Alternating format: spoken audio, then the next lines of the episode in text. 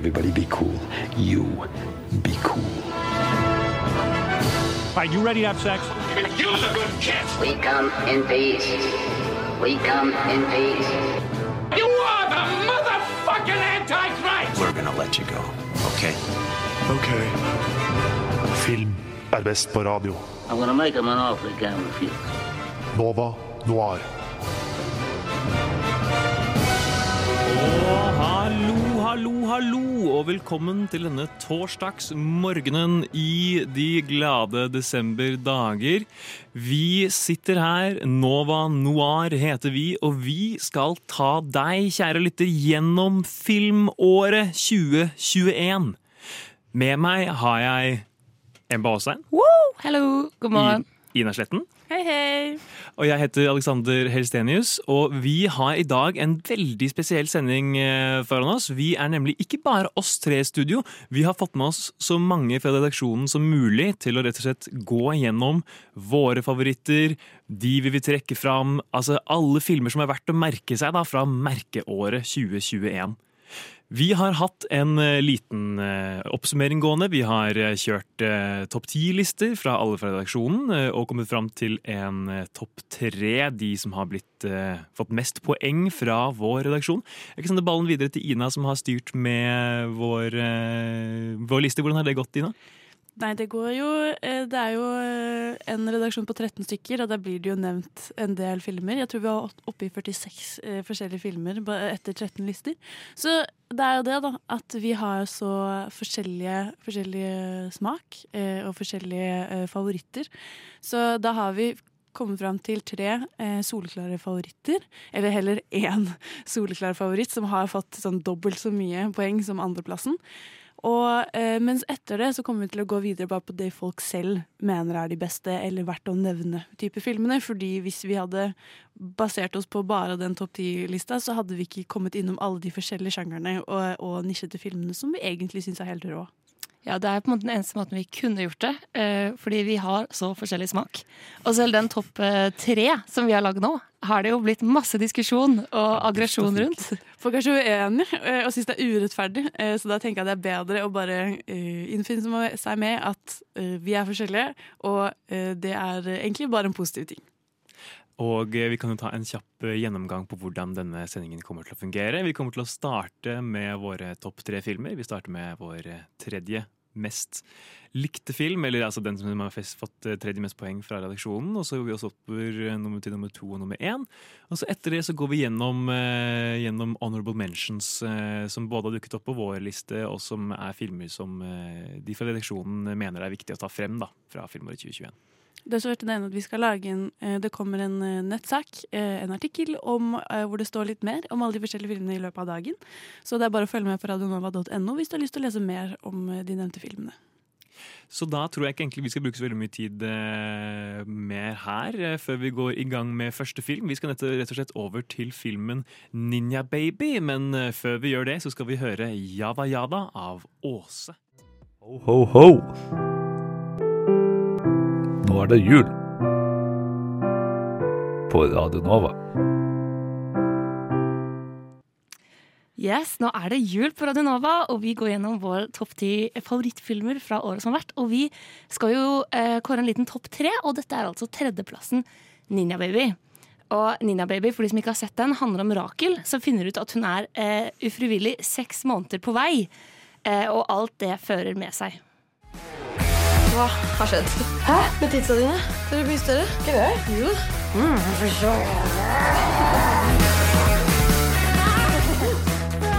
Er du gravid, eller? Herregud, kan du slutte, eller? Jeg er ikke gravid. Tiss på den jævla pinnen. Nei! Å, faen. Hva er det? Jeg tror jeg har ligget med ham. Husker du den kvelden eller den helgen hvor jeg lå med en fyr bare fordi han luktet så godt? Han som lukta smør. Yes, og Nina Baby er altså regissert av Ingvild Sve Flikke og har superstjerne eh, Kristine Køa Torp i hovedrollen. Og hva syns dere om Nina Baby? Altså, jeg elsket den. Hei, Hanne heter jeg forresten. Eh, Kom snikende inn i studio her. Um, altså, ja. Ninja Baby var en sånn eh, herlig overraskelse. Fordi jeg hadde liksom ingen forventninger til den. Visste ikke, Den er jo basert på en sånn grafisk novelle eller tegneserie eller noe sånt, eller i hvert fall løst inspirert av den. Eh, jeg hadde ikke lest den, visste ingenting om det, og så bare var det en sånn herlig, morsom, eh, overraskende liksom Ja, litt sånn småfrekk eh, film. Jeg er helt enig. Eh, Jeg ble også helt liksom utrolig fascinert av den filmen. Eh, Jeg så den jo også på et tidspunkt i eh, våres da det ikke var åpne kinoer. Så på pressevisning, og det var bare sånn en åpenbaring. Å komme inn der på Vega kino og liksom sette seg ned, og så er det liksom en film som dette her. Det å liksom lage ordentlig romantisk komedie som tar sine karakterer på alvor og gjøre det på norsk. Og liksom ha disse elementene, disse animerte elementene som virkelig bare sånn underbygger følelsesregistrene og gjør det morsomt. Og det er, det er rett og slett utrolig imponerende. Ja, for det var veldig lenge jeg ikke gadd å dra og se Nina Mivi. For jeg tenkte, det er, altså, hør traileren, se traileren, da har du sett filmen. Ikke sant? Da, det er ikke noe å se. Og aldri har jeg tatt så feil. Jeg føler dette er en sånn film der du tror du vet hva alt skal være. Eh, og du liksom Jeg har sett Juno, jeg trenger ikke å sende Nina Baby. Men det, altså, den var så bra, og så vond. Uforventende. liksom Den treffer en nerve som jeg ikke så komme i det hele tatt. Ja, apropos Juno, så hadde jo vi, eh, Ina og jeg, hadde jo en sending i våres hvor vi snakket om graviditet på film. Da vi snakket om annet Juno og, eh, og Nina Baby. Eh, og det var, den, den sendingen bestemte vi oss bare for å ha fordi vi hadde vært og sett Nina Baby, og vi bare tenkte vi må ha en sending hvor vi kan snakke om Ninja Baby. Så da tvang vi inn dette litt sånn rare, keitete konseptet med graviditet på film. Egentlig bare for å snakke om Ninja Baby. Og hvis ikke det er et testament til at dette her er en film som er verdt å se fra filmåret 2021, så vet ikke jeg. Ja, altså jeg synes det, er- det er så mange ting altså Det er sånne gode små perler som Pikk-Jesus Ja. som dukker opp der. Bare det i seg sjøl syns jeg er så utrolig gøy. Godt kommet på. En fyr som lukter smør. Altså også denne lille animerte babyen som da har stemmen til Herman Tømmerås, som bare er litt weird uh, inni det hele. Ja. Den er litt nerdete. Og det liker jeg. sånn Den kunne tatt seg selv mye mer eh, seriøst enn det den gjør. Og jeg syns de er flinke eh, til å la Rakel, hovedkarakteren, ikke være så kul. Altså Hun er jo litt kjip, eh, og egentlig litt ganske frekk. Men man blir veldig glad i henne. Man rekker å bli kjempeglad i henne. Ja. Og så har hun disse her utrolig liksom, fæle scenene. Det er f.eks. en scene der hvor hun vurderer å adoptere bort barnet sitt. Og så drar hun på et sånt møte for potensielle adoptivforeldre. Jeg satt der med liksom ansiktet i hendene hele veien. Jeg Altså, det er en så utrolig putescene at det, ble, jeg, det gjorde vondt inni meg å se på. Ja, Hun bare skjeller ut alle og, Ja, ja, ja. og sier at hun heter Fatima. Og Ja. bare Ja, ja, ja. Utrolig bra. Men jeg føler også eh, Vi skal jo snakke litt om eh, kvinner på film i noen av de filmene vi skal snakke om etter hvert. Men eh, denne filmen her føler jeg kunne ha tittelen 'Verdens verste menneske' og kledd den bedre enn Joachim Trier sin. For jeg føler at det ha- er en my altså, handler mye mer om liksom, det moralske rundt å skulle innta liksom, en morsrolle, eller hva samfunnet forventer av deg som kvinne, og hva du selv har lyst til.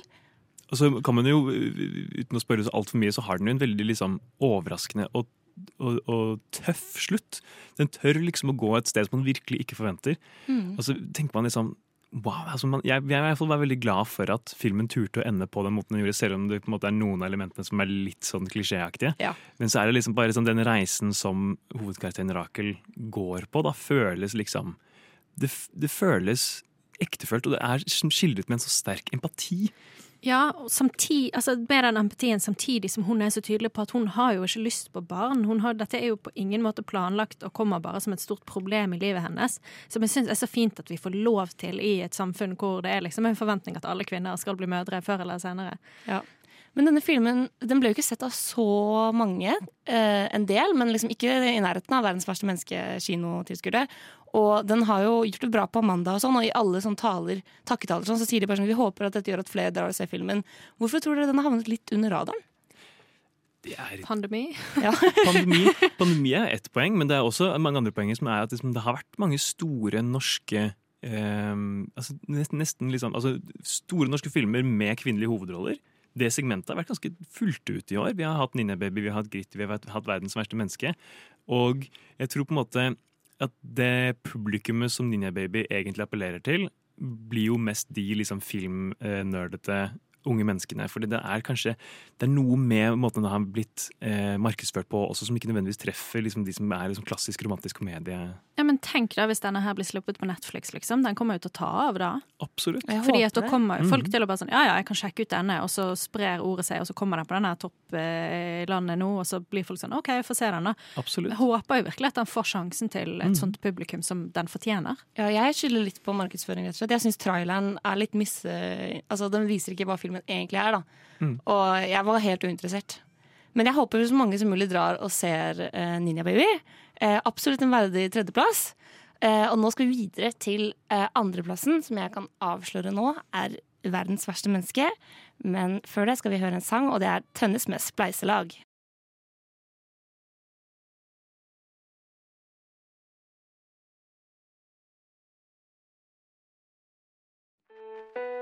Er Inglourious Bastards den beste Tarantino-filmen? Nei, det er jo ikke det! Det er ikke det. det er, er det noen som mener noen av dere det? Nei. Sånn helt Ja. Du mener det? ja. Film er best på radio. Nova Noir. Og da er jeg Ina tilbake i studio, eh, og det er også Tage Tollefsen også eh, kommet eh, i hvert fall til mikrofonen, for du er jo også tekniker i dag. Ja, det, jeg er tekniker som ikke klarer å skru på sin egen mikrofon. Her er jeg. Eh, Vi skal jo da snakke om eh, den som eh, er på andreplass på No Nors topp ti-liste. En litt kontroversiell film har det vist seg å bli. For det er jo da snakk om verdens verste menneske, som handler om Julie. Og egentlig Julie som er i slutten av 20-årene, prøver å finne ut av livet, kjærlighet, alle de tingene der. Er i et fast forhold med en litt eldre fyr. Og så blir hun, eh, møter hun en eh, liks, eh, hva heter det, eh, jevnaldrende eh, fyr på en helt tilfeldig fest. Og ting blir litt ja, eh, snudd på hodet. Jeg skal opp her, jeg. OK. OK. Ha det. Ha det. Vi var ikke utro, da. Vi var ikke det. Vi var ikke det. Nei.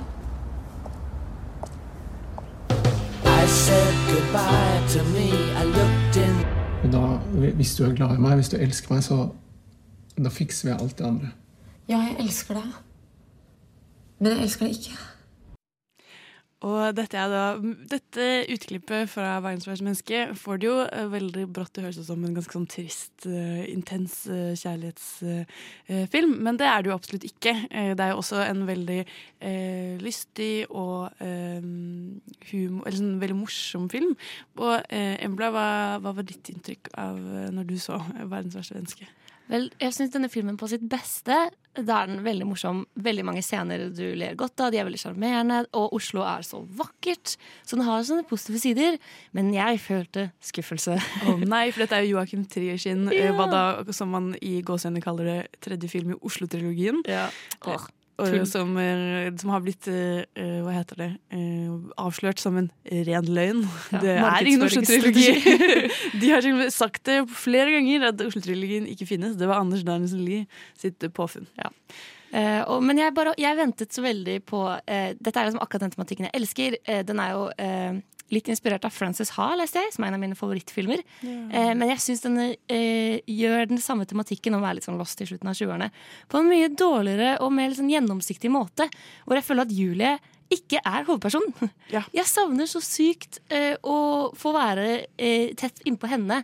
I stedet, for Det skal liksom være en film om noen som definerer seg selv og frigjør seg selv fra å bli sett gjennom andres blikk. og la la la. Så føler jeg vi bare ser henne gjennom andres blikk hele filmen. Den heter jo På fransk heter den jo 'Julie i tolv kapitler'. Eh, men jeg føler jo at den ikke handler om, som du sier eh, det, er, det handler mer om kjæresten hennes i løpet av livet. Eh, enten om det er eh, Aksel Nei, eh, eh, Anders. Nei, han heter Han Aksel. heter Ja, Aksel. Aksel, eh, Aksel eller Eivind. eller faren hennes. Eller ja, de rundt henne. Eh, og jeg syns det er ja, irriterende og åpenbart at dette kanskje er en film skrevet av en 50 år gammel mann. To 50 år gamle To menn. 50 år gamle menn. Alexander heter jeg, jeg er også i studio fortsatt. Eh, eh, ja, altså Og det kunne jo vært på en måte gjort til et poeng. Eh, det at det er en film hvor eh, hun som liksom tilsynelatende skal være hovedkarakteren, ikke nødvendigvis er hovedkarakteren hele tiden. Eller på en måte havner i skyggen av de mennene rundt henne. Ehm, problemet er bare at det blir liksom ikke løst ordentlig helt på slutten. Altså, jeg satt i kinosalen da jeg så denne filmen og ble ordentlig liksom bergtatt av den. Jeg følte meg liksom virkelig revet med, og det var særlig det gikk ikke egentlig opp for meg før eh, den scenen hvor tiden stopper, og det er bare hun som løper gjennom Oslo. Det, at jeg skjønte liksom Dette her er et filmspråk som jeg kan sette ordentlig pris på, liksom. Eh, og den er, den er vakker, og den er morsom, og den er rå. Og alle disse tingene har den liksom gående for den, men akkurat det med liksom hovedkarakteren, der kunne de liksom på en måte ja, unnet seg å og, og, og jeg tilbringer litt mer tid sammen med Julie. Det er kanskje nettopp dette her med at den er skrevet av to 50 år gamle menn som kan være deler av problemet. Men, eh, men eh, jeg føler også bare som det handler om at filmen også er litt forelsket i Renate. Så Det er liksom alltid et sånt glansbilde man liksom ser på. Det er liksom alltid, hun er alltid pen, da. Ja. Uansett, liksom. Og der, der, der kommer jo sammenligningen med Frances Ha litt sånn eh, fram. Da, at det, det her er det, altså I Frances Ha så får man liksom virkelig se Frances på alle, liksom, alle eh, følelsesspektre. da.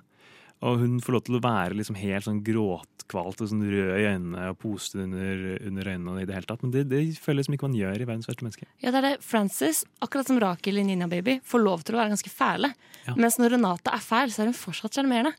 Som når Julie sin karakter skal være litt kjip eller litt sånn eh, lite likende, og sånn, så er hun uansett supersjarmerende. Og det funker på alle, og alle elsker henne. Og de, hun er, altså, de er så forelsket i henne at de lar henne ikke egentlig være ekte skip, eller ekte usjarmerende. Eh, hun blir jo på en måte da en liksom manic pixie dream girl i sin egen film, eh, som bare gjør hele greia litt tom for meg, da. Hva tenker du, Tage?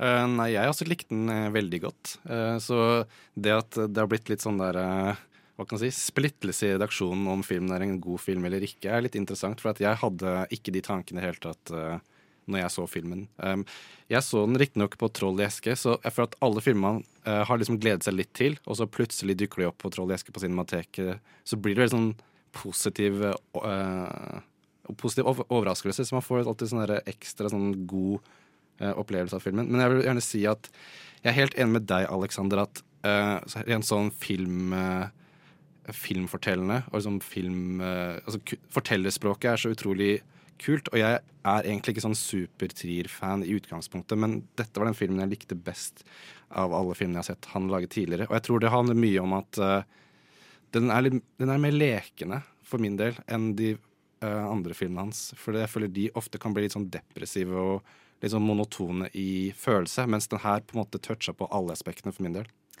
Jeg, å, jeg er så uenig, fordi jeg elsker reprise. Og jeg skulle ønske at eh, de hadde behandlet eh, Julie sin karakter sånn som de behandler gutta i reprise. Hvor de får ha en sånn ordentlig guttegjeng, og det er så mye som bare handler om å være ung og levende. Hvor er venninnene til Julie? Jeg savner venninnegjengen. Jeg savner at hun har sitt eget liv og sine egne karakterer å spille på, da. Og jeg, jeg er helt enig med deg i det. At det, det, mangler liksom et, et følelsesliv bak Renate. Men jeg syns heller ikke at eh, i hvert fall for min egen del synes jeg det ikke er en dårlig film. Overhodet ikke. Altså Jeg gleder meg til å se den filmen her igjen. Jeg bare anerkjenner, Og det har jo veldig mye å gjøre med at det har vært en såpass liksom hypet film. At man har hatt så utrolig liksom, store forventninger til den fordi Renate Reinsve vinner Gullpalme i Cannes for liksom, beste skuespillerinne og sånne ting. Eh, og da har man liksom ekstreme forventninger til den, og det føler jeg liksom, det har virkelig ikke kommet i filmens favør. Fordi liksom man kommer inn der og tenker liksom å, nå har vi liksom Norges første sku- skuespillerinne som vinner Gullpalme i Cannes. Nå må vi på en måte forvente oss en helt sånn ekstremt god rolleprestasjon og karaktertolkning og sånne ting. Og så er det noen ting som liksom skorter, da særlig med hennes karakter, som man reagerer veldig på. Men jeg syns virkelig at filmen i seg selv er kjempegod. Og jeg syns den fortjener veldig mye av den hederen og æren den har fått i løpet av det siste, det siste året. Det er jo ikke første gang andreplassen går til en film som er uh, litt kontroversiell. Jeg husker Joker også var eh, andreplassen på Nå er sin topp ti det året uh, den kom. Så det er jo Og den er vi veldig uh, uenige om internt i redaksjonen, men det viser jo bare at det er en film som folk syns er vanskelig. Jeg syns også den var sånn, Jeg var ikke så imponert, men jeg hadde den fortsatt relativt høyt på min liste. Så det sier jo litt om filmen. Det er en god film, men den, man forventer jo kanskje kanskje mer av eh, Joakim eh, Trier. Og nå tenker jeg at vi skal gå videre til førsteplassen på eh, topp ti-lista vår. Eh, og jeg velger å ikke si noe før låten. Dere får bare sitte og vente i spenning eh, mens dere hører på Speed of Light av Du Vet.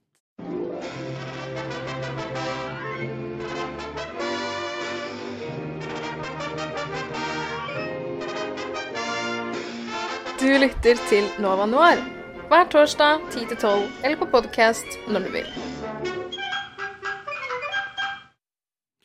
Og Nova Noir, vi er tilbake. Nå skal vi snakke om eh, selveste film nummer én fra 2021. Og da har vi fått Ludvig inn i studio. Velkommen. velkommen. Halla. Halla. Går det bra, eller? Det går helt fint. Uhu. Jeg er der fortsatt. Er dere spente, dere? Vi er veldig spent. Uh, før vi avslører filmen, hva slags Kan dere hinte? Eller hva slags følelse Kan dere liksom gi et sånn følelsesmessig hint? Sand. Sand. Sand. Eh, Parfymereklame. Oi, parfymereklame. Og jeg vil si Sexy Tweens.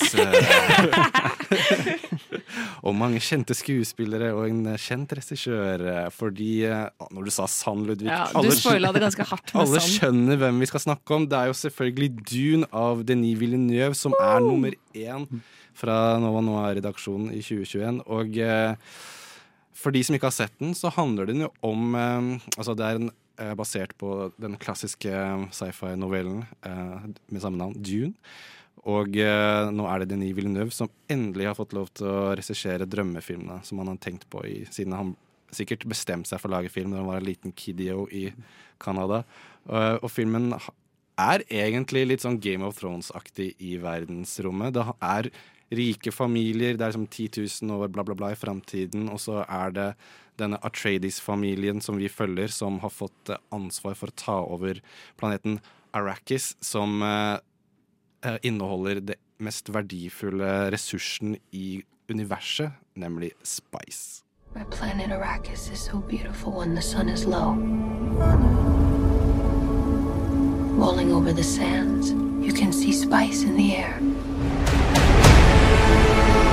The outsiders ravage our lands in front of our eyes.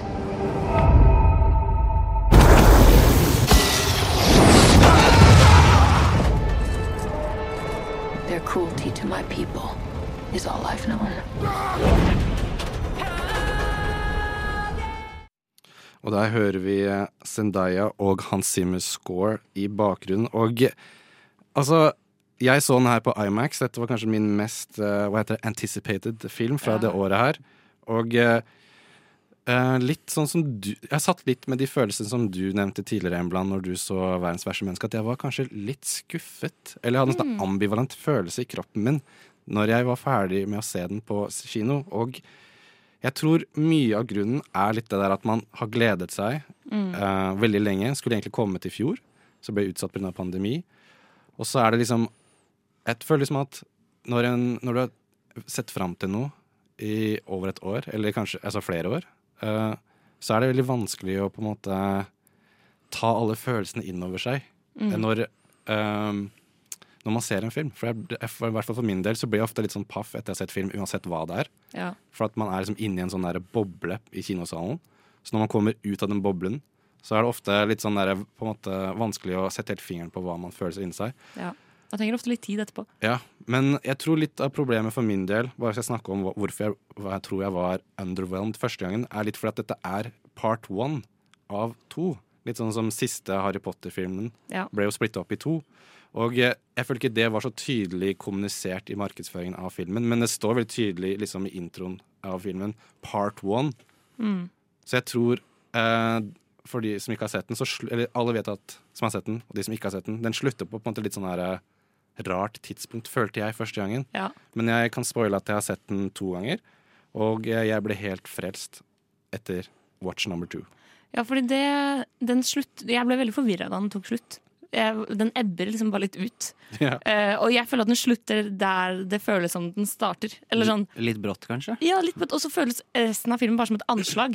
Det føles som hele filmen er for å bygge det til det punktet der den slutter. Og det er liksom akkurat som Harry Potter part 2. Liksom. Det, det akkurat kommet til det spennende. og så er det ferdig. Ja. Hva syns du, Ludvig? Jeg uh, må innrømme at uh, det er ikke min historie. Altså Hele Dune-universet syns ikke jeg er så veldig spennende. Jeg husker da jeg så den første første gang. Den er ikke så bra. Den er fra 80-tallet, og så var det en kompis som sa ja, men du må lese boka, for boka er bedre. Og så prøvde jeg det, og så uh, syns jeg ikke det var så veldig spennende heller. Så jeg hadde liksom ikke så Jeg gikk jo inn uh, helt omvendt enn deg, da. Mm.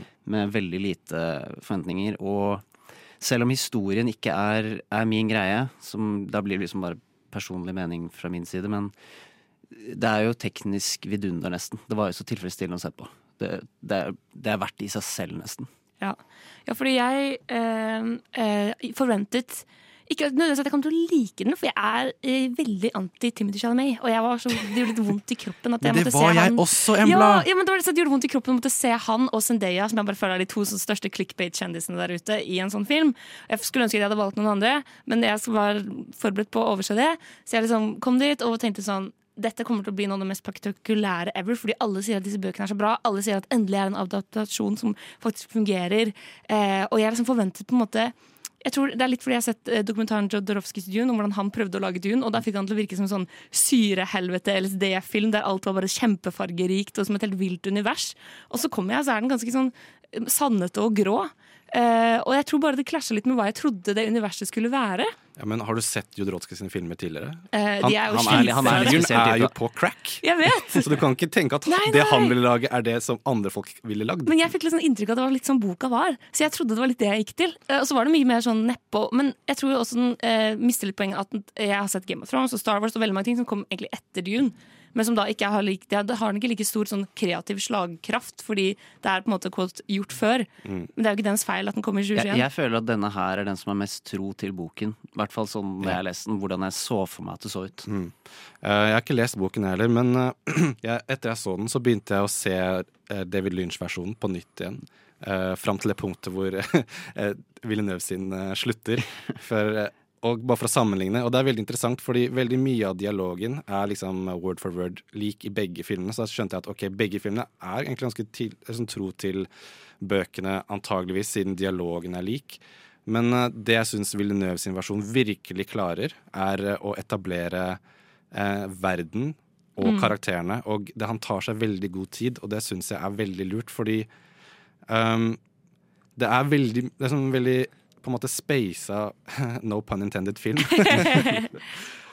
og det at eh, det på en måte få folk med på et helt nytt univers, da må man ta seg god tid. Og jeg kunne liksom ikke sett for meg at man skulle lagd hele historien i en kanskje da, tre timers lang film. Det hadde bare blitt rusha og dårlig. Så jeg, når jeg så den for andre gang, så visste jeg på en måte hva jeg kom til, og hvor den slutta, og hvem karakterene er, sånne ting. Så da kunne jeg bare sitte og absorbere alle detaljene. Og det er så utrolig mange helt sånn Uh, sånn, jeg helt sånn fikk helt sånn bakoversveis av liksom effektene, av musikken, av Mm. lyddesignet. Jeg er jo lyddesignstudent, så jeg sitter jo og nerder ekstra over alle de små detaljene når, når jeg liksom kan i en kinosal. Og uh, jeg bare syns at den filmen her er helt magisk, rett og slett. Og uh, jeg vil egentlig anbefale alle som var litt sånn der midt på treet første gang de så den, nå ser jeg på deg, Embla, og prøve å se den på nytt igjen. Kanskje de viser begge filmene når part two kommer ut. Ja. Uh, fordi um, det bare er en sånn fantastisk film. Og jeg, når jeg så den andre gangen, så, kunne jeg ikke, så tenkte jeg at jeg syns de får til noe her i den filmen som jeg ikke har sett tidligere. Og det er at den på en måte går fra liksom en, en sånn første andre akt, og så begynner den på første akt igjen. I en, og det er liksom, og jeg kjøper det. Og det, jeg syns det mest interessante med hele filmen er den siste akten, som på en måte er begynnelsen på en ny historie. Så jeg gleder meg nå veldig til part two. Ja, for det, Den slutter jo på en måte med en ny start, så du blir jo litt sånn eh, revet med og spent på hva som kommer videre. Mm. Og jeg vil si, Det er jo ikke på en måte 2021-filmen sin feil at jeg er litt lei av eh, på en måte Space etter at det har kommet så mange Star Wars-filmer, og at jeg er litt lei av eh, Zendaya og Timmy, og at jeg er litt lei av at de brukte Zendaya i markedsføringen, og at jeg er litt lei av sånn der The Chosen One-tematikk etter Harry Potter og sånn. At liksom, han er the chosen one, he's the one. Det er jo ikke Dune sin feil. Det, det, er Den kommer ikke, jo altså, først. det er jo ikke en sånn uh, or, veldig original historie. I hvert fall ikke nå lenger. Nei, Men jeg syns den er gjort på en veldig bra måte, og de sandormene Ja. er jo helt vilt bra laget. Man burde jo bare se den for liksom, teknikken. Den er så bra utført. Ja, Du kan lære mye om uh, bare filmteknikk bare ved å se filmen. liksom. Ja, absolutt. Og for de som er sånn ekstra lydnerder der ute, så anbefaler jeg på YouTube, så er det en sånn behind the scenes, hvordan de lagde mye av lydene til filmen, og liksom hele den her tankeprosessen bak. Og det er liksom Jeg blir så glad, for det er så mye kjærlighet eh, liksom dedikert til filmen, da, fra liksom oh. alle fagfunksjonene, så det er bare Syns det er en amazing film. Og det er liksom litt utrolig at den faktisk uh, er bra, da. I hvert fall i mine øyne. For at det er en film som virkelig kunne floppa. Ja, Og den uh, fikk jo dobbelt så mange poeng som andreplassen vår. Så det er jo tydelig at redaksjonen vår er superfans av den òg. Yep. Men uh, skal vi se, nå, nå går vi jo over da til andre filmer som folk har lyst til å snakke om her i redaksjonen. Eh, og eh, hvis vi skal gi et lite hint til den neste filmen, handler det kanskje om eh, en litt sånn grønn fyr, eller hva, dere? Shrek. Ja, det, Absolutt. er, det er Shrek 6 som er neste film. Neida, Men stay tuned, nå skal du høre Boge av, eh, og Stakk en tur på klubben. In a world that's powered by violence. In a world without gas. In a world where owning a radio was strictly forbidden.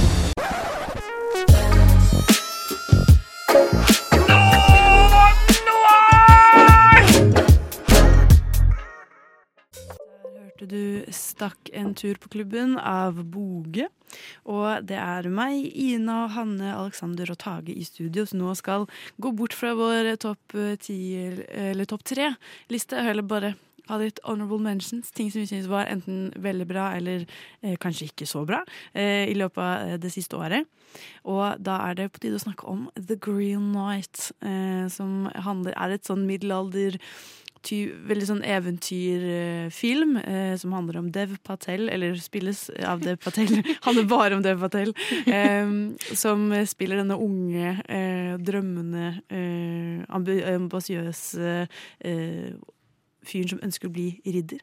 Og så får han mulighet til Han møter da et slags sånn merkelig sånn skogvesen som sier at om du klarer å eh, Hvis du klarer å hygge, hygge meg, enten med, med hvilket som helst våpen eh, Hvis du skader meg så eh, skal du, og overvinner meg, så skal du få et helt år med, eh, med lykke og med, med rikdom.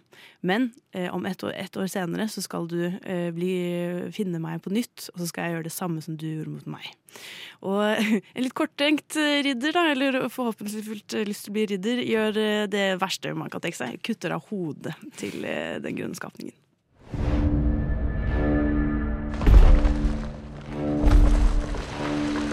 O greatest of kings, let one of your knights try to land a blow against me. Indulge me in this game. I will beat thee.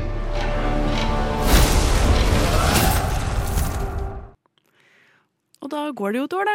Eh, Og et år går fryktelig fort, og det vet vi alt om her eh, nå. nå. Vi snakker jo da om det siste året. Og eh, da må eh, ridderen ut på eh, et oppdrag, eh, komme seg tilbake og prøve å konfrontere da, The Green Knight. Og hva, hva, hvordan var ditt møte med denne filmen, Hanne? Ehm, jeg, ble, jeg visste ikke så mye om den, men jeg hadde liksom lest meg opp på dette her gamle liksom, eh, ridder. Det er jo historien om liksom sir Eller ikke sir, faktisk, men uh, Gaivan.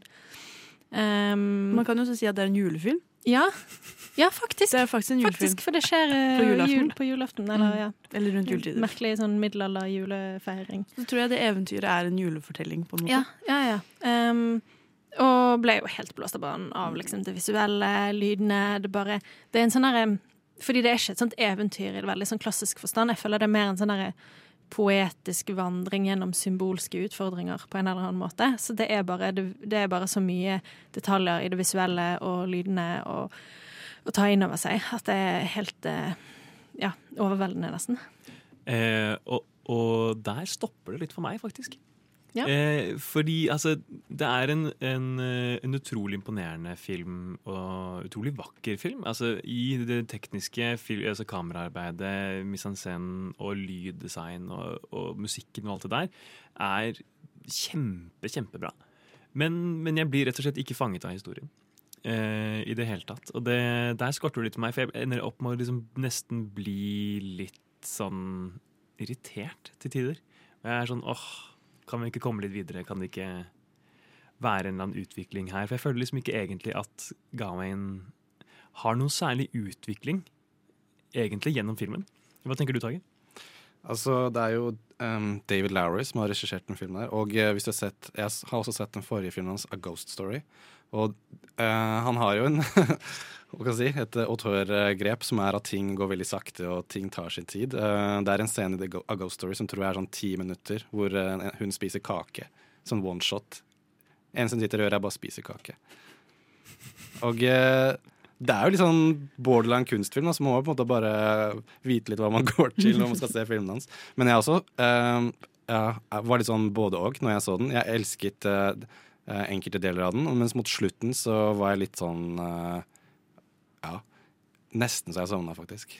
Nei, men fordi at Jeg visste ikke hva jeg gikk til, og jeg ble bare på en måte dratt inn i alle detaljene og liksom det vakre visuelle og lyden. og Jeg syns også det kan være vanskelig med sånne filmer hvor det på en måte ikke er en veldig tydelig handling, og sånn, men fordi det er et så tydelig mål her, du vet hvor han er på vei, og han er jo egentlig en ganske ufordragelig fyr som du på en måte egentlig ikke Altså sånn, Han er liksom, han er jo det motsatte av en ridder. Han er patetisk. Han redder ikke unge fruer i nød, med mindre det gagner han sjøl. Han spør ja, hva får jeg for det, da, hvis jeg hjelper deg, liksom. Altså, jeg syns bare det er så interessant at den snur en sånn ridderfortelling helt på hodet, da, med hva du forventer, eller hva den sjangeren på en måte Eller hvis du kan kalle det en sjanger i seg sjøl. At det snur det helt på hodet, det du forventer, og det det skal være. Og jeg syns det er så kult måten den gjør det på, at det var nok for meg, altså, sjøl om det på en måte er jo noen strekk der hvor det ikke skjer så veldig mye, men det er jo liksom mer enn nok med det visuelle og i lydbildet til at det, det fanget meg, da. Og så må man også tenke, eller Det følte jeg har tenkt mye på. Ikke at jeg har lest veldig mye sånn gamle historier eller fortellinger, men de er jo litt eh, rare, og ting eh, tar veldig lang tid. Og det er ofte litt sånn Det er veldig lyrisk og veldig sånn eh, Graver seg veldig langt ned uten at du egentlig skjønner hva som skjer. Og det er det altså, det føler den filmen gjør, at den er veldig tro til fortellingen også. Hvordan den ble fortalt. Jeg husker når vi når jeg så den på kino, så kom det en fyr Eller det var en fyr som så den samtidig som meg, som kom, eh, eller jeg og Alexander så den sammen, eh, som liksom stoppet ved oss og var sånn dere burde lese fortellingen, fordi det, dette er bare starten. Dette er sånn Dette er bare en liten del av hele historien. Eh, og da ble jeg sånn Shit, det er eh, Tenk at denne, denne første filmen da, på to timer er bare sånn det sjukeste jeg har sett. Og så er det bare tippen av isfjellet, eller sånn starten av isfjellet. Det er gøy hvis folk er sånn ja, men du må bare lese Ja. diktet. Ja, men, men altså, jeg lover deg, diktet er bra. Men er jeg, bedre, jeg har liksom. prøvd å lese diktet. Jeg skjønte ikke en dritt, ass. Nei, jeg prøvde å finne det på biblioteket, men det var vanskelig å få tak i. Men uh, jeg vil bare si at det er en film som eh, jeg gikk rundt og tenkte mye på etter jeg så den, og det er jo det jeg elsker med film. Eh, de som ikke er Jeg vil ha det som ikke er en Hollywood-oppskrift, hvor jeg sitter og vet alle storybeatsene før jeg har sett filmen. Og her var eh, Altså, filmen er helt magisk i det at den bare gønner på og er seg selv 100% og den er ikke den typ, det, er som, det er en film som skiller seg ut, og det elsker jeg. Så alle burde se The Green Night hvis de er sånn 'Å, det er ikke noe bra å se på kino'. Bare gå og se The Green Night, for da kommer du til å få en opplevelse du ikke har hatt i år. Jeg er helt enig med deg, Tage. Og eh, jeg tenker at det er det eh, vi har å si om The Green Night for i dag. Eh, nå skal vi videre på eh, neste film. Eh, har det blitt en greie at vi ikke sier eh, Skal vi tise litt? Men eh, denne handler nei, kanskje plassert i eh, Frankrike? Oh. men eh, jeg tenker vi skal ha en liten låtpause, og det blir da eh, 'Lurar på' av eh, Romskip.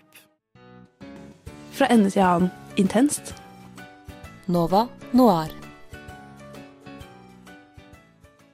Yes, og da er jeg, Embla, tilbake i studio. Jeg er her fortsatt med eh, Tage og Alexander. Og nå skal vi snakke om eh, Wes Anderson sin The French Dispatch. Som også var en av de filmene som var sånn superforventet, og som brukte kjempelang tid på å komme ut, for den ble utsatt pga. korona. Og eh, den er litt vanskelig å forklare hva det handler om. Man følger en avis i Frankrike hvor Bill Murray, sin karakter Arthur, er redaktør. Og så er filmen på en måte strukturert som tre kortfilmer, nesten. Eh, hvor man følger liksom tre historier som har vært publisert i den avisen. Eh, og ting blir ganske crazy. It began as a holiday. Eager to escape a bright future on the Great Plains, Arthur Howitzer Jr. transformed the series of travelogue columns into the French Dispatch, a factual weekly report on the subjects of world politics, the arts, high and low, and diverse stories of human interest. You don't think it's almost too seedy this time? No, I don't. For decent people. It's supposed to be charming.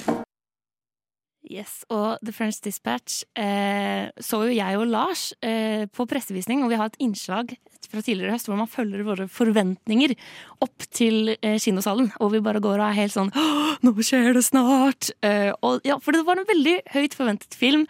Om den innfridde de forventningene, det er jo spennende å si. Men hva syns dere? Altså, den er jo eh, Hva skal man si altså, Den ble jo utsatt eh, et år, så virkelig har jeg fått lang tid til å liksom brygge i forventningsgryta. Eh, og jeg må innrømme at jeg selv har vært en ganske stor fan av Wes Anderson opp gjennom åra, men, eh, men var liksom litt skuffet av, av Isle of Dogs. Hadde ikke så store forventninger, men kom inn og ble virkelig liksom Altså ehm, Filmspråket er jo upåklagelig, på en måte. Det er nesten liksom parodisk hvordan han på en måte har blitt sin egen, sin egen sjanger, nesten. Eh, og den første korte historien er jo fantastisk med Benicio del Toro eh, som denne sinnssyke maleren som sitter inne i fengsel, og, eh, og eh, disse kunststandardene som skal prøve å få kunsten hans ut og selge den til et videre publikum, og den kunstutstillingen som foregår inne i fengselet. Det er jo utrolig Altså, den rev meg virkelig med. Men så kommer vi til Timothy Chalamet, og så mister den meg. Og så sitter jeg der og så kjeder jeg meg litt, og så tenker jeg ah, er det dette, er det her vi skal være, liksom? Og så kommer vi videre til eh, den neste. Altså, jeg vet ikke Tage vil du ta herfra? Eh, jo, for det er jo egentlig fire uh, for at, um, sånne historier. Men alle glemmer den første, som er Ja, om byen. om, om byen. Ja. Og jeg syns den også er veldig sjarmerende morsom. Men det ser jeg nesten på mer som et anslag enn som sitt eget historie. Det er bare for å sette the tone før de liksom går i gang. Men em, jeg føler at uh, Wes Anderson gjør alltid en greie i filmene sine i starten som er veldig sånn og dette er bla, bla, denne, denne karakteren, og han gjør, eller hun gjør sånn og sånn, og så lever de der og der, og så er det veldig mye sånn Veldig sånn montasje med voiceover. Og eh, jeg, syns egentlig hele The Fresh Built Dispatch var liksom Wes Anderson-montasje, hvis Ja. du skjønner. Det sluttet nesten aldri å være det. Og, eh, så jeg tror eh, for min del så er det det som gjorde at jeg liksom ikke ble 100% solgt på den. Men um, som sagt så er jo eh, alle historiene som Eller hver historie i filmen er på en måte et en artikkel som journalistene skriver.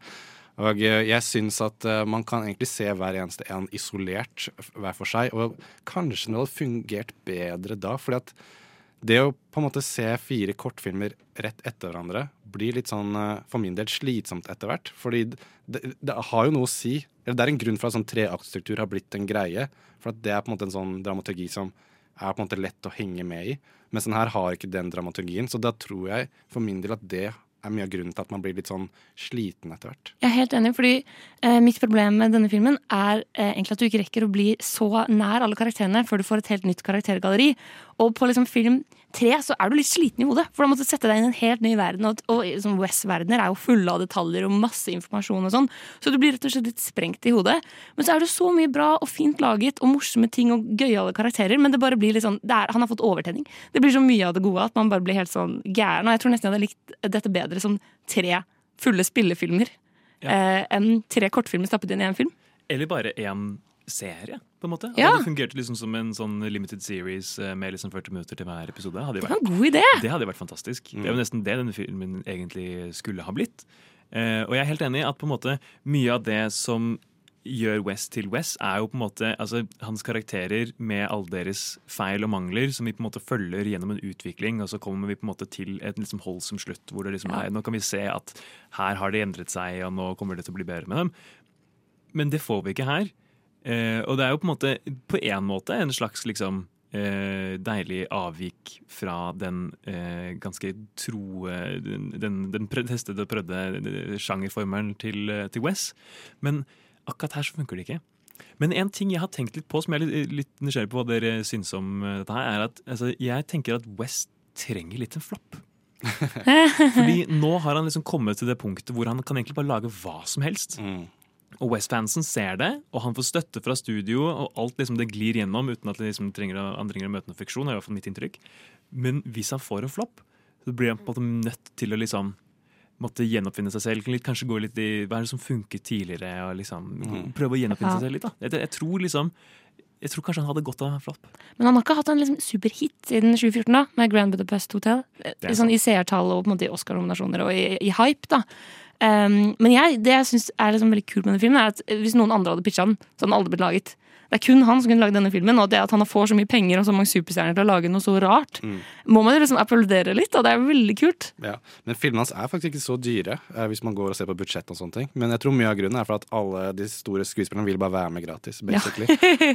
Fordi eh, alle elsker Wes Anderson og har lyst til å være med i filmene hans, for at han bruker jo de samme om og om igjen. Mm. Og det har kanskje blitt litt sånn svulmende nå, for nå er det sånn OK, hvordan skal jeg få plass til alle bestevennene mine i én film. Jo, jeg bare lager sånn mange forskjellige historier hvor jeg kan liksom ha en helt nytt cast i hver film. Kanskje det er, liksom, det er den hemmelige Ja. historien bak det fremstilte. Og det er litt sånn jeg sitter, tenker når jeg ser film også, at jeg tenker ikke 'å, der er den karakteren'. Og Sånn, 'Å, der er Bill Murray', og der er, uh, der er hun. Der er uh, holdt på å si Meryl Streep, hun er ikke med i filmen. Ja, og de liksom- spiller nesten litt sånn Ja.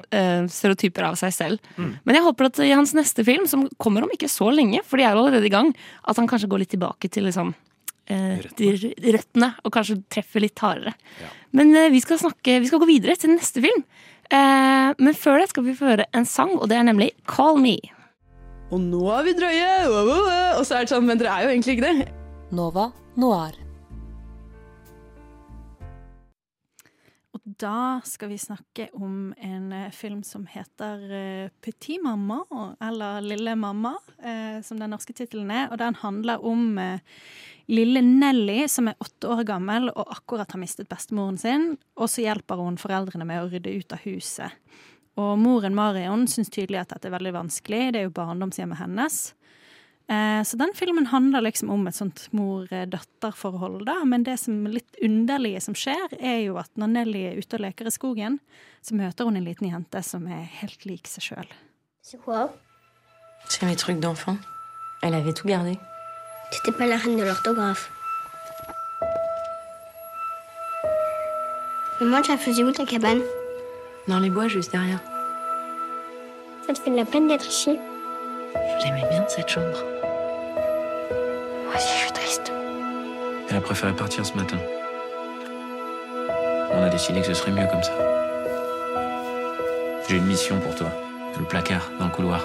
Comme ça, on part vite d'ici, puis on la retrouve. Denne filmen er jo skrevet og regissert av Celine Sciamma, som eh, fikk så godt som universell applaus for 'Portrett av en kvinne i flammer'. Eh, og jeg vet at hun får veldig mye applaus fra både Ina og Embla også. Jeg kan jo bare si at jeg var ikke en av de som elsket eh, 'Portrett av en kvinne i flammer'. Jeg syns ikke den var eh, spesielt Altså, den er vakker. Utrolig vakker, men jeg likte ikke så godt historien. Jeg syns ikke den var så godt løst sånn sett. Så når jeg skulle se Petit Mamma, eh, så ble, var jeg litt sånn ja ja. Jeg har, hun kommer sikkert til å være litt av de samme greiene. Og så ble jeg så bergtatt av eh, denne vakre og intime og varme historien eh, om eh, et mor- og datterforhold, eh, fortalt på en helt sånn fantastisk eh, kul måte. Og eh, den er sånn ja, Varm føler jeg er sånn eh, gjennomgående for hele, fordi far, alle fargene er varme, og eh, alle samtalene er liksom veldig sånn det å liksom se da Nelly og moren eh, leke sammen De leker for eksempel sånn eh, mordmysteriet, og de de du kler seg ut.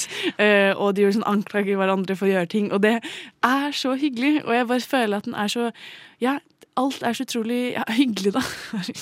Det er bare Det hyggelig! ja, men det er kanskje der som eh, dette med den 'Portrettet av en kvinne i flammer' som gjør forskjellen til at jeg ikke elsket denne. Jeg syns fortsatt det er en veldig veldig fin film, og jeg elsket liksom fargene. og liksom sånn, du fikk, Jeg fikk en veldig sånn nostalgisk følelse av å ute og leke i skogen og liksom Ja. krispt høstløv og, og være litt sånn der våt og kald eh, ute i høsten, og så komme inn og drikke kakao. og liksom Det var en veldig sånn en god og varm følelse. Men jeg syns jo på en måte det på en måte bare var litt for hyggelig og ikke på en måte Det skjer ikke så mye. Det er liksom ikke så mye konflikt.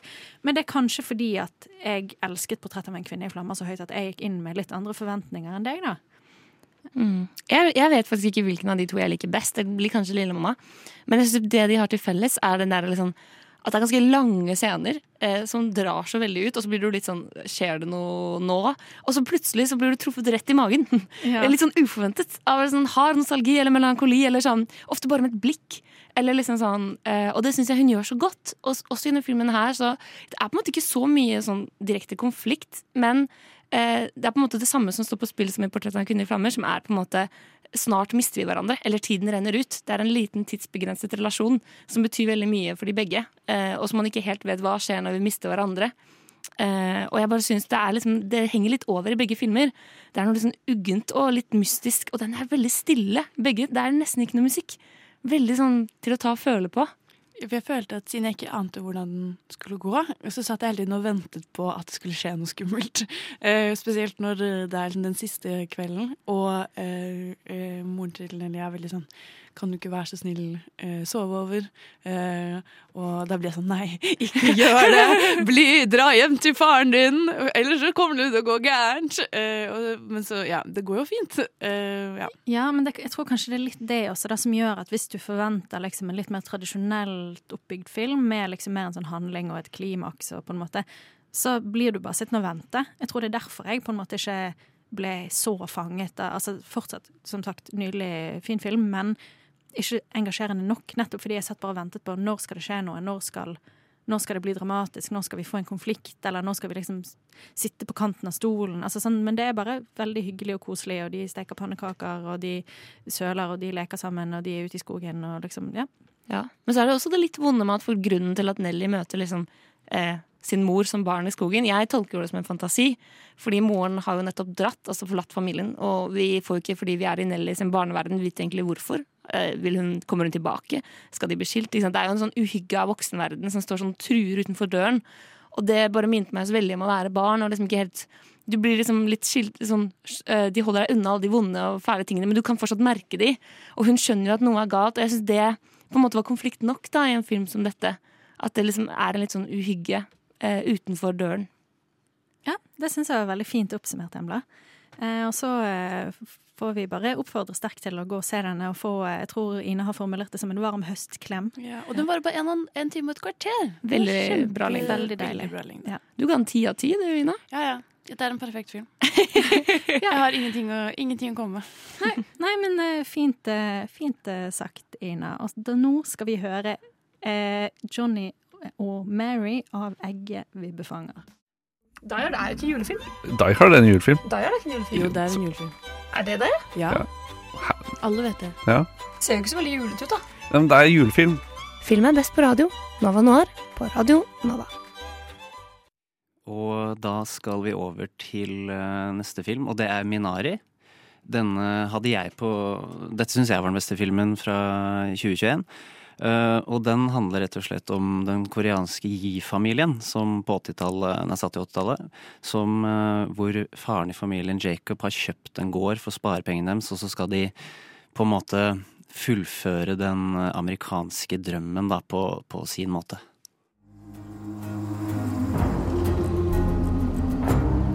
David, look! They're wheels! Wheels? 여기 대체 어디야? 집이지. 새로 시작한다고 그랬잖아. 이게 그거야. 아빠는 빅 가든 하나 만들 거야. What a wonderful day to be in the house of the Lord. If you're here with us for the first time, please stand. What a beautiful family. Glad you're here. How's your daddy like that new farm? He growing things good, doing things right? Yes.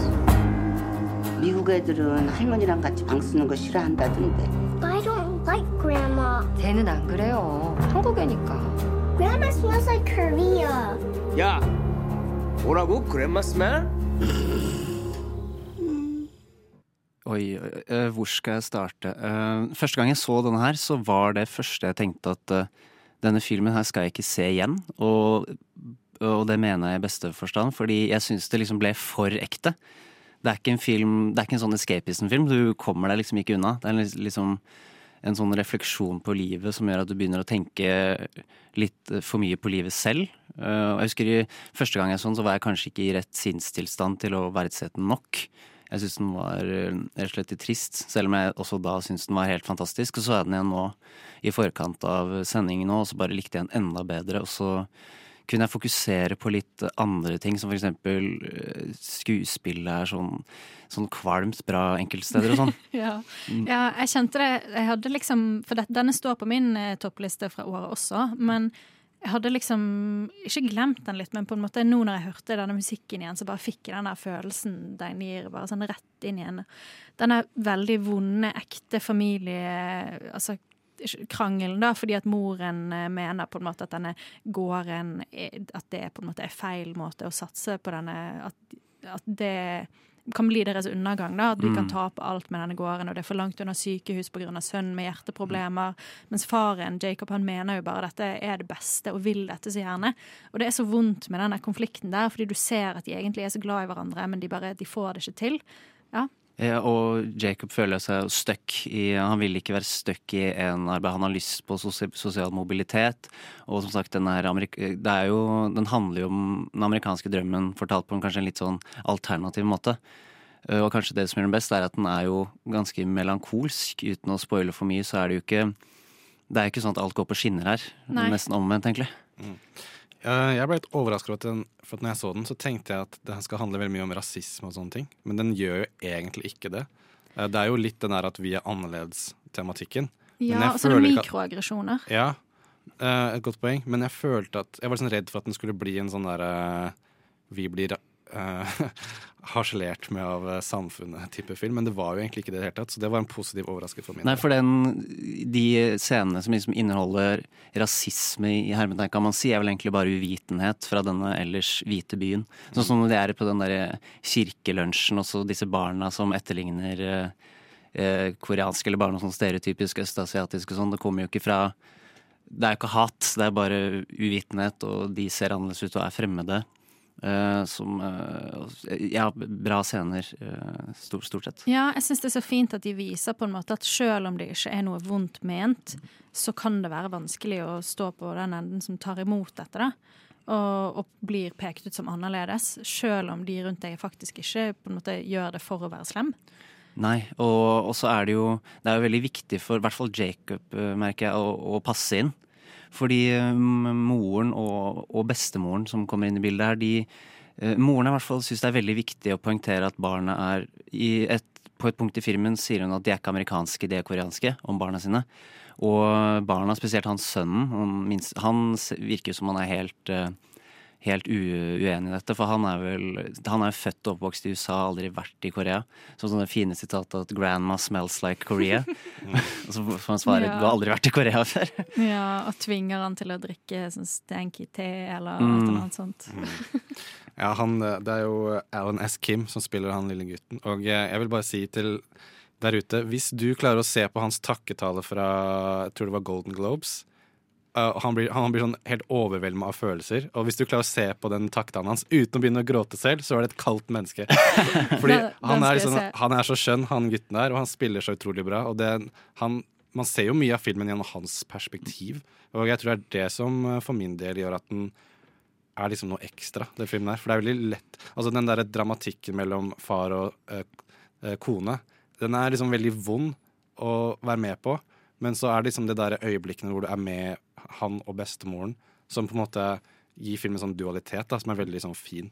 Ja, for det er jo en dels selvbiografisk film av eh, regissøren uh, Lee Isaac Chung, Uh, som da er denne lille gutten. Uh, så at vi ser det gjennom hans øyne, det gir det liksom en ekstra dimensjon når du vet det. da. Mm. Og så jeg tenker, Når man ser den her, så blir man sånn her, Fy faen, vi er så heldige, ass. Ja. Mm, For at uh, han faren De jobber jo som å liksom, identifisere kjønn på sånne små kyllinger. Oh, så de sitter jo hele dagen og bare sorterer Ja, de skal kjønne kyllinger. Ja, de sorterer uh, mannlige og, eller kvinnelige små kyllinger. Og sitt, han liksom har grinda med denne jobben her år etter år etter år for å spare opp penger så de kan få den farmen her. Og når du liksom ser at det går ikke så bra med cropsen, og sånne typer, så sitter du bare Å, nei! Og mens jeg klager over at jeg ikke får nok penger i stipend fra Lånekassa, liksom. Så det er en bra film for å liksom eh, få en litt sånn reality Du check. merker hvit uh, white Ja, privilege ja, ja, som fader. Men ja, fordi det handler jo om Det er jo den der ganske gamle historien om at Jacob Han vil bare ha noe som er eget, og villig til å ofre alt for det, og bare eh, jeg skulle ønske jeg hadde noe sånn veldig håndfast å si, men jeg bare syns hele filmen Det er en sånn stemning rundt den. Eh, Kjempetrist, og jeg vet ikke om Jeg kan liksom ikke se den for mange ganger, fordi det er du bruker, Du bruker mye følelser på det, da, men eh, Mm. definitivt min favoritt fra i år. Men det er en følelse av håp på det også, da. Mm, Det er det. Absolutt. Det er det, og i hvert fall når du vet at det er en ja, dels selvbiografisk. Så Ja, det gikk jo bra med han. Ja, det gjorde det. Eh, ja, da, da skal vi høre Got to go back.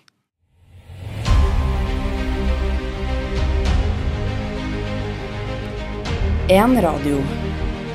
Ett program. En redaksjon for filmelskere. Nova Noir.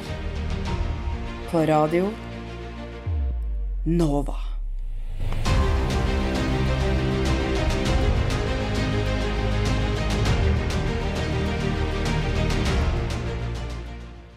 Og da har vi kommet til eh, den nest siste filmen eh, for eh, dagens sending. Jeg Alexander, jeg har med meg Hanne og Tage i studio i dag for å snakke eller akkurat nå, for å snakke om Sound of Metal.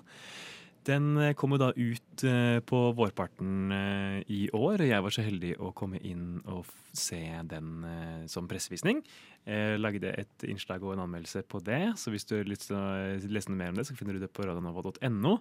Det er jo da en film eh, som følger en eh, trommeslager i et litt sånn heavy metal-band som eh, heter Ruben, som etter hvert mister hørsel. Eh, og med det på en måte mister liksom bakkekontakten. Han mister så mye av livet sitt at han på en måte føler seg helt altså Det blir en, sånn, en utrolig sterk eksistensiell krise for han fordi hele livet hans er bygget rundt lyd. Vi ser liksom i åpningsscenen fra filmen så er det bare sånn man, Den tar oss gjennom liksom alle de små lyddelene som liksom preger hans morgenrutine og liv i det hele tatt. Og så plutselig så mister han evnen til å høre, og mister med det liksom hele livet sitt slik han kjente det før, med kjæresten sin og bobil og, og turneer og slike ting. Filmen er eh, regissert av eh, Darius eh, Marder og har Riz Ahmed i hovedrollen. Jeg tror egentlig bare vi skal høre en liten trailer. Your hearing is deteriorating rapidly. We'll come back. Till then, Lou, we just keep going, okay? No. Lou, No. let's play tomorrow. Let's see what it's like, okay? I'm gonna be like a click track. You can play to me.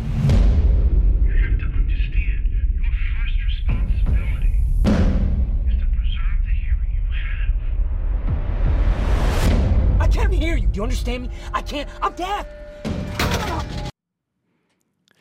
Og det er jo en utrolig sterk film i liksom den, eh, det den skildrer. Jeg, synes, i hvert fall, jeg selv ble liksom veldig preget av eh, den filmen. Hva syns eh, du, Hanne?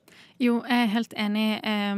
Først og fremst så elsker jeg jo Riz Ahmed altså, som skuespiller, eh, som er vanvittig dyktig. Og også her, bare på å liksom få frem den derre altså, Det er kanskje det verste for han han kunne opplevd som liksom trommeslager. Altså, han lever av musikken. Musikk er livet hans. Og jeg syns de bruker Altså, dette kan jo vår eh, lydfyr Tage snakke mer om, men jeg syns måten de bruker lyd i filmen, og fravær av lyd, og etter hvert på en måte hvordan man hører ved hjelp av høreapparat, det bare Det er, det er et så sinnssykt sterkt virkemiddel, da. Ja. Eh, ja, det, det bare funker skikkelig, skikkelig bra på film. Eh, og bare gjør denne filmen til en opplevelse. Ja, og så Dette er en av de filmene jeg hadde gledet meg mest til. eh, fordi at, som du sa, Hanne, så er jeg en film... Nei, en eh, lydfyr. Og denne filmen her fokuserer jo veldig mye på den lydopplevelsen som Ruben har, da. Og det jeg syns er litt interessant med det å på en måte skildre hørselstap på film, eh, lar seg gjøre på en ganske interessant måte. For at for eksempel hvis en karakter uh, Hvis det har vært en film om en fotballspiller som uh, må amputere beina, da. Så kan du på en måte ikke Du kan ikke Det er stygt å le av, men ja, Men vi som publikum kan ikke føle på hvordan det er.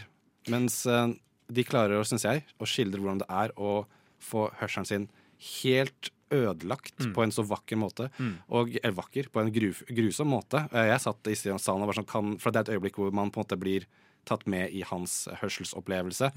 Eh, og da var jeg sånn Få meg ut herfra. For det, det var som et mareritt, rett og slett. Og uh, den, den starter jo med en sånn, sånn morgenrutine.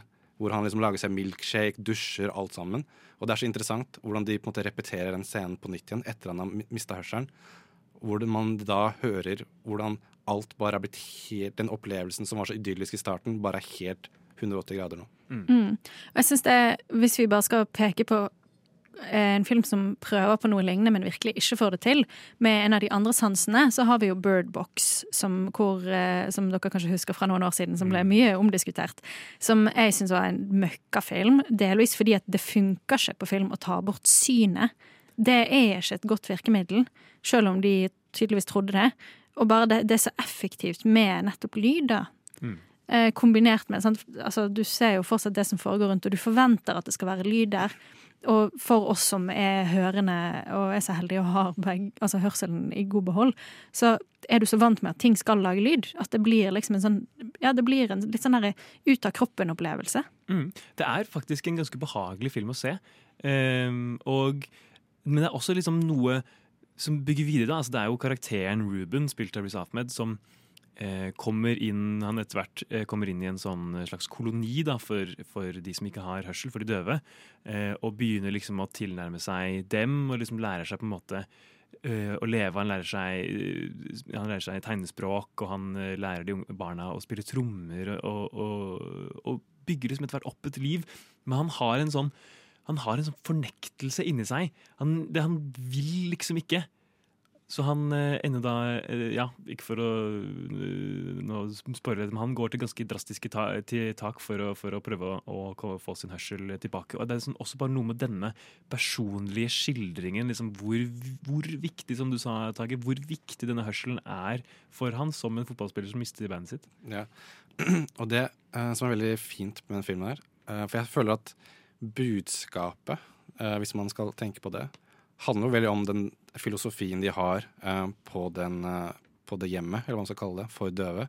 For de snakker veldig mye om at, at de ikke tenker at de har mistet noe, men fått noe nytt. Og det er på en måte et veldig sånn vakkert øyeblikk helt på slutten av filmen. Vi skal ikke si hva som skjer, men jeg, jeg syns de klarer å skildre det der at Og på en måte når man får et handikap, som for eksempel dette, at man da kanskje må ikke tenke at man har mistet noe, men heller eh, på en måte fått noe nytt. Mm. Og den følelsen satt jeg jo bare ja, filosofert over i lang tid etter jeg så filmen, og det er utrolig nydelig.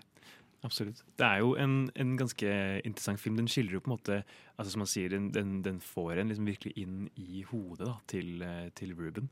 Eh, men eh, vi har eh, snakket nok og lyttet nok til oss preike om The Sound of Metal. Vi skal videre til dagens siste film. Den ja, skal man si så mye at eh, kanskje det er en dame som kjører rundt i en bil, da. Kanskje man skal si så mye. Jeg vet ikke jeg, men jeg kan si én ting, og det er at eh, punken er død, og hudkreft drepte den.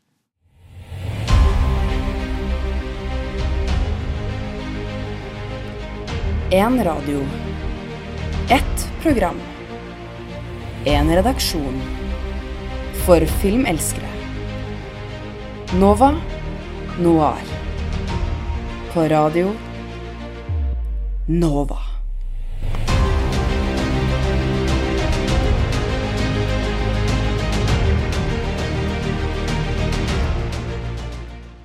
Da skal vi over på det som eh, var min førsteplass i år. Og som Det kommer jo ikke som en overraskelse at denne sto høyt, fordi den håvet jo inn en god del Oscar-priser, nemlig Nomadland. Um, og den handler uh, altså om Fern, spilt av Frances McDormand, som uh, Hun har bodd i denne lille industribyen Empire i, no i Nevada, som var bygget opp rundt gruvedriften. Så når gruven legges ned, uh, så blir hele Empire forlatt.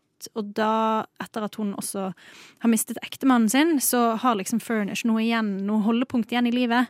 Og legger da ut med en campervan på veien med et nytt liv.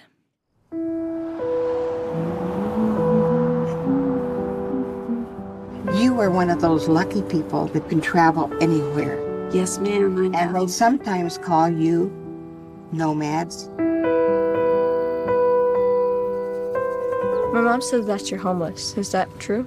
No, I'm not homeless. I'm just houseless. Not the same thing, right? Jeg får gåsehud, jeg. Det, denne filmen traff meg sånn veldig overraskende. Jeg hadde liksom ikke så mye forventninger når jeg gikk inn. Satt og så den, tok det inn, og ble sittende og gråte etterpå. Av en eller annen sånn, litt sånn uforståelig grunn. Det var bare en slags følelse som satte seg i kroppen min. Men jeg vet ikke med dere, Alexander og Ludvig. Jeg kan jo si at, at det er virkelig noe med denne filmen her som, som treffer en veldig sterkt. Det handler jo veldig mye om at dette her Hvis man på en måte leser litt om det, oppå dette her, at det her er en utrolig Det her er virkelighet, liksom. Og veldig mange av de som spiller med i denne filmen her, de har dette her som deres daglige liv. De er hentet inn altså, fra Den er jo basert på en artikkel, og mange av de som har medvirket til artikkelen, spiller med i denne filmen som liksom seg selv. Eh, og det føler jeg liksom man virkelig ser, for det er liksom Det er altså Man kan se det på dem, at liksom dette livet her tærer virkelig på dem. Og det er en utrolig liksom, empatisk eh, framstilling av det. Ja, altså jeg Og så tenker jeg at den handler om det er jo defin, Den handler definitivt om depresjon og hvordan å håndtere det. Og hennes måte er på en måte at eh, hun må holde Bokstavelig talt holde livet i fart, da. Mm. Gjennom å reise rundt tross flere nesten sånn øyeblikk i filmen hvor det, kom, hvor det kommer forslag om hun kanskje skal permanent bo noe sted, så er hun jo helt på nei. Ja. hele, hele veien. Ja, for jeg syns det er det som er så fint, at det er på en måte Det er jo også et For, for hennes del, for Fern, er det et valg. Hun har valgt å leve, altså til en viss grad, selvfølgelig. Altså, hun ble jo på en måte tvunget ut av hjemmet sitt og mistet mannen sin og sånn. Men som sagt, hun har alternativer, så hun har tatt et valg om å leve dette livet på veien. Og det er et slit, og det er hardt, og det som du ser hun nesten altså, ligger og fryser i denne bilen sin på vinteren, og det så så blåfargene er så kalde at du nesten kjenner kulden gjennom skjermen. Men det er likevel et valg, og det er veldig mange vakre øyeblikk som viser hvorfor hun har valgt det. Ja, for det er en frihet i det. Um, og jeg skjønner på en måte veldig godt denne karakterens liksom, beslutning for hvorfor hun velger å ikke slå seg ned. Da, eller å på en måte være Fordi da vil hun måtte være en gjest. For hun vil jo ikke egentlig være en som må være avhengig av andre. Hun vil jo kunne styre sitt eget liv og kunne liksom være sin egen sjef. Og det får hun muligheten til da, med bilen sin. Absolutt. Eh, Men jeg lurer på, eh, Alexander, for vi har snakket litt tidligere i dag om filmer hvor det på en måte ikke er en veldig tydelig handling eller mye som skjer. Og det er jo Denne filmen er jo også mer som en sånn slags bare en sånn poetisk reise. Eh, og med ikke et tydelig mål i sikte. Vi vet ikke helt hva Fern sitt mål er, og filmen, og hvor vi på en måte skal hen. Vi bare legger ut på denne reisen med henne. Og hva, hva syns du om det? Jeg syns um, at måten det skildres på her altså Vi snakket jo tidligere om dette her da vi snakket om eh, The Green Knight, som jeg ikke var så stor fan av. Um, men måten det skildres på her, er liksom bare gjort med en mer nærgående empati. Uh, føler jeg at der hvor Gawain blir på en måte skildret sånn kaldt og utenifra, så føler jeg virkelig at man kommer liksom på innsiden av karakteren til, til Frances McDormand. Ehm, og man får liksom følge henne gjennom um, gjennom hennes liksom oppoverbakker og nedturer og, og i det hele tatt liksom Man får liksom virkelig stiftet en ordentlig bekjentskap med hennes liv ute på veien, da, på en Mm. måte. Det er liksom ikke bare ett kapittel i hennes liv hvor, som, sånn som i The Green Knight, hvor man på en måte bare ser han dra ut på et eventyr eller som skulle liksom utføre det som eh, er hans hva man, skal kalle skjebne. Her har vi liksom en kvinne som liksom virkelig er tvunget ut i en situasjon hvor hun må ta valg og, og gjør ting liksom for sin egen del, på en måte, men uten at det blir egoistisk, nødvendigvis. Mm. Jeg skjønner, jeg skjønner hva du mener. Og, ja, for hun prøver jo også litt sånn, det er jo på en, slags måte en slags norm for hvordan man skal leve dette livet i varebilen også. Fordi hun drar jo på en sånn eh, Bobs campervan Altså, jeg husker ikke helt hva det heter, men Bob Wells er en ekte fyr som har et sånt årlig treff for folk som lever på denne måten, Mm. hvor du liksom lærer tips og triks, men så er det også på en måte du merker at det er veldig vanlig at ok, folk drar herfra, så drar de dit, sånn at de samme folkene møtes igjen de samme stedene. Og når hun prøver å stå litt imot det, så får vi også se at det, ikke, det, er ikke, det går ikke, på en måte. Hun blir tvunget av gårde. Og, fordi innimellom er du nødt til å jobbe for å kunne altså, For å opprettholde denne livsstilen også. Og bare Ja, eh, jeg syns det skildres veldig godt, den utfordringen med en sånn livsstil, samtidig som du ser hvor vakkert det kan være.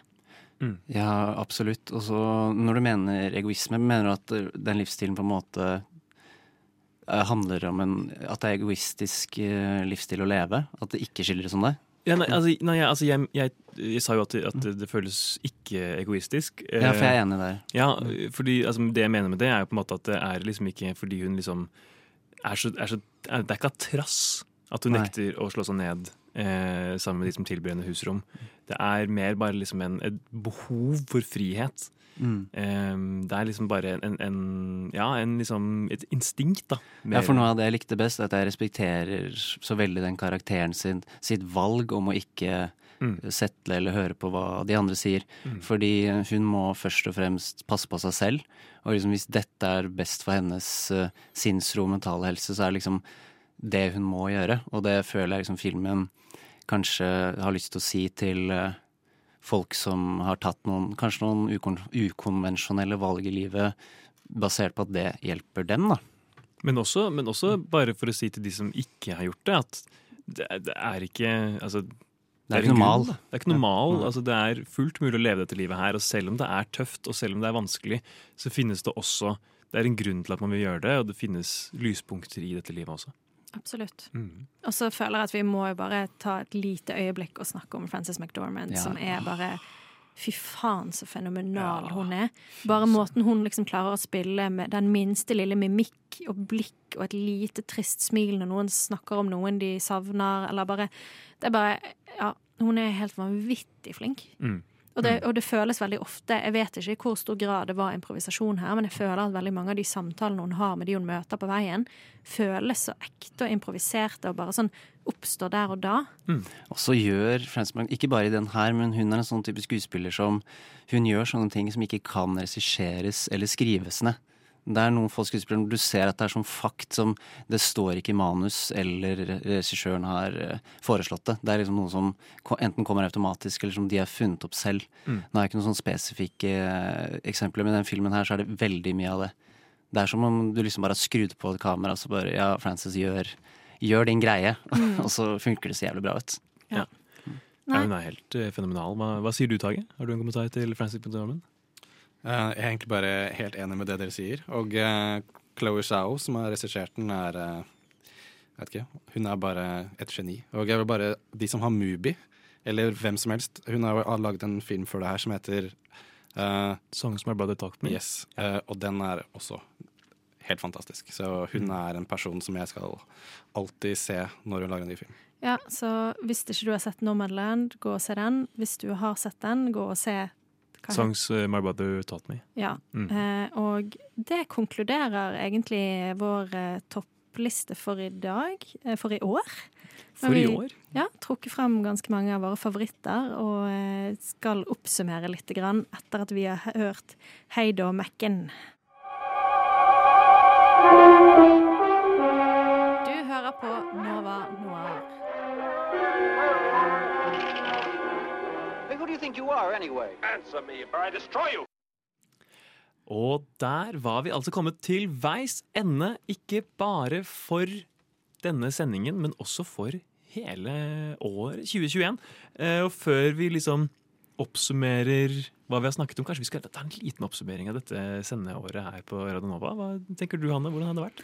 Oi, um, det har jo vært veldig deilig å få komme inn i studio igjen og ha skikkelige sendinger. Det var hyggelig å mekke hjemmesendinger i lockdown-tiden, men det er jo en egen sjarm å sitte her i studio med dere. Ja, jeg eh, må vel si med henne. Det var Ja, men alle sendingene våre her for min del har vært veldig hyggelige. Det har vært eh, god stemning. Eh, Vi har liksom klart å gjøre det beste ut av en eh, dårlig situasjon, syns jeg. Og vi har vært flinke alle sammen. Ja, jeg er enig, og jeg syns eh, vi har lagd veldig mange bra sendinger og mange kule temaer. Og det er, det er jo en egen Jeg ser for meg at vi kan liksom mimre på disse, det året her om noen år. Og liksom, å, husker du når vi satt hjemme hos deg og snakka om eh, Det og det. Snakke opp eh, om festen. Ja.